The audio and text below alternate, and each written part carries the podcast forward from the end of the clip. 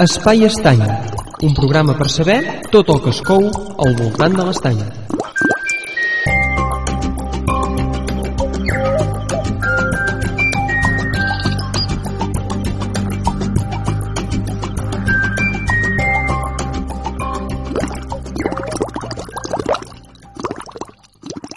Els ocells són potser el grup d'animals més conegut arreu del món. A Banyoles i Porqueres s'han fet seguiments d'ocells, sobretot a l'entorn de les zones lacustres. Concretament, a la zona de la Puda hi ha una estació d'anellaments d'aus on s'hi recullen dades des de fa 10 anys i amb el qual es vol obtenir un cens que permeti determinar quines aus habiten a la zona, amb quina abundància, quina és la seva edat i sexe i quines són les seves rutes migratòries, entre altres.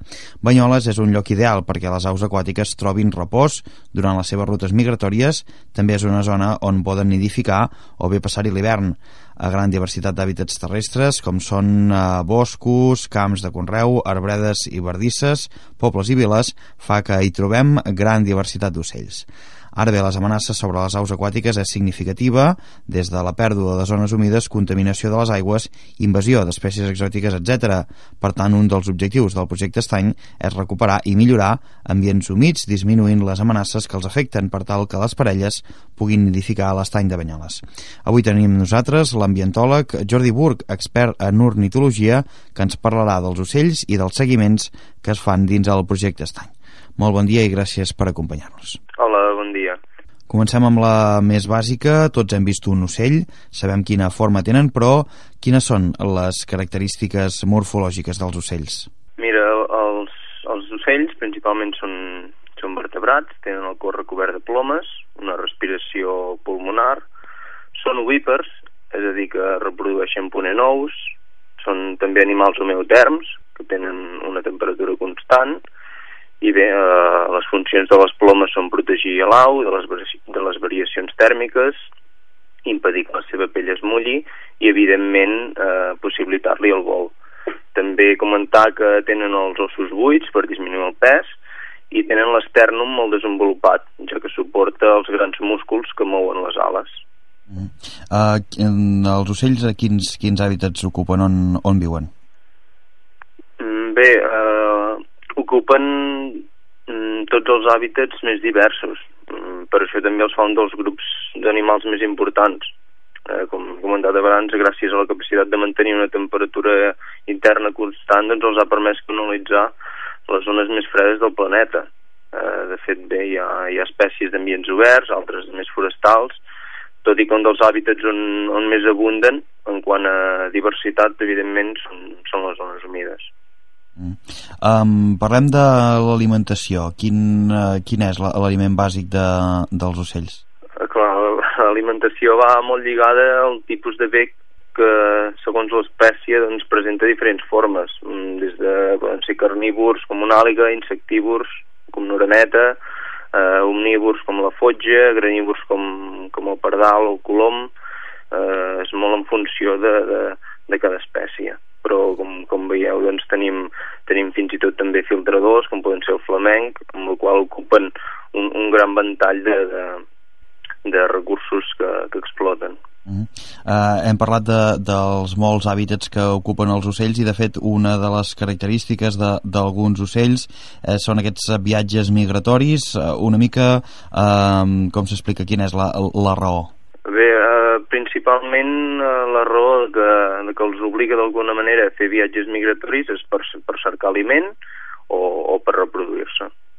Tots els animals tenen un, un paper, una, una rellevància dins un ecosistema, com quin situaríem el, el, els ocells, eh, en quin, quina és aquesta rellevància?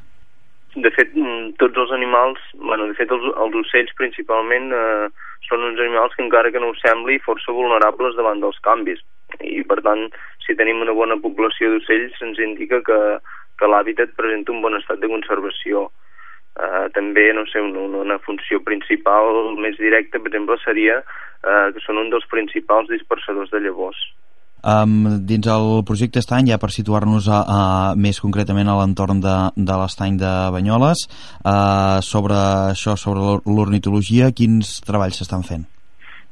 Bé, s'estan realitzant transectes mensuals per censar les diferents espècies que habiten en la zona humida quines es reprodueixen i com varia durant, durant els anys. De, de fet, eh, es fa, es fa l'estany, a les llacunes de Camp Morgat i, i a la Puda. I uh, una mica uh, per, per aprofundir en això, el, el sistema que, que es fa servir és uh, això algun sistema periòdic, un recompte uh, algun temps determinat, com, com funciona? Sí, uh, de fet consisteix, per exemple, en el, en el cas de l'estany, bueno, de les llacunes, consisteix en, en fer una volta que està estipulada uh, segons un temps i en el qual doncs, uh, uh, el més, el més important és destacar quines espècies es troba durant el recorregut i, i, amb, i amb quina abundància. Això per, per uh, conèixer una mica aquestes dades, uh, quines són les espècies més representatives d'aquesta zona? Les més, les més representatives deixant de banda eh, com podria ser els, els gavians que com sabeu doncs, eh, ocupen, ocupen una, una població important eh, tenim com a hivernants, per exemple, la fotja o la polla d'aigua que, que tots podem observar passejant al voltant de l'estany.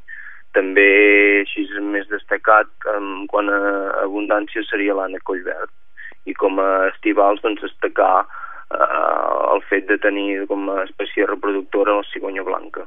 Un, un dels temes eh, claus d'aquest projecte estany és la, la incidència de les espècies exòtiques invasores.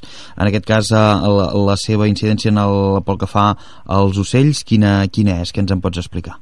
Sí, de fet, eh, tota espècie que altera un ecosistema repercuteix en la xarxa tròfica en el qual interactuen eh, els animals, en aquest cas els ocells i no sé, per posar un exemple més directe, comentar que els, últim any, els últims anys a l'estany mateix eh, hem pogut observar com una parella de fotges intenten reproduir-se però els polls desapareixen al poc de néixer.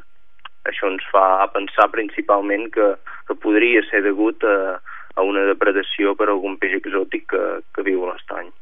Uh, en aquest cas, i, i aprofundint en això, uh, s'espera que, que després de les actuacions que es fan en aquest projecte estany uh, pugui variar aquesta, aquest, uh, aquesta presència d'espècies o, o com a mínim el nombre d'exemplars de, que hi ha de, de cada espècie en, uh, a l'entorn de l'estany?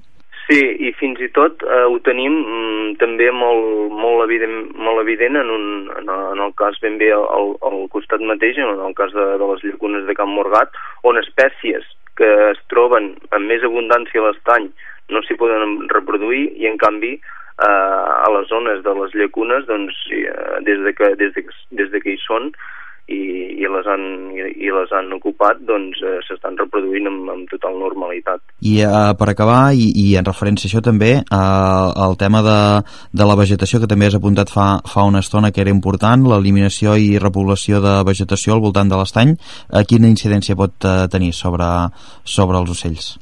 Sí, el fet de tenir un, un bosc o una zona humida ben, ben estructurada permet que pugui ser utilitzada per diferents espècies. Eh, és molt important mantenir la diversitat també en ambients, ja que així doncs, també hi haurà una major diversitat d'espècies animals eh, en, en, tot, en tota la zona.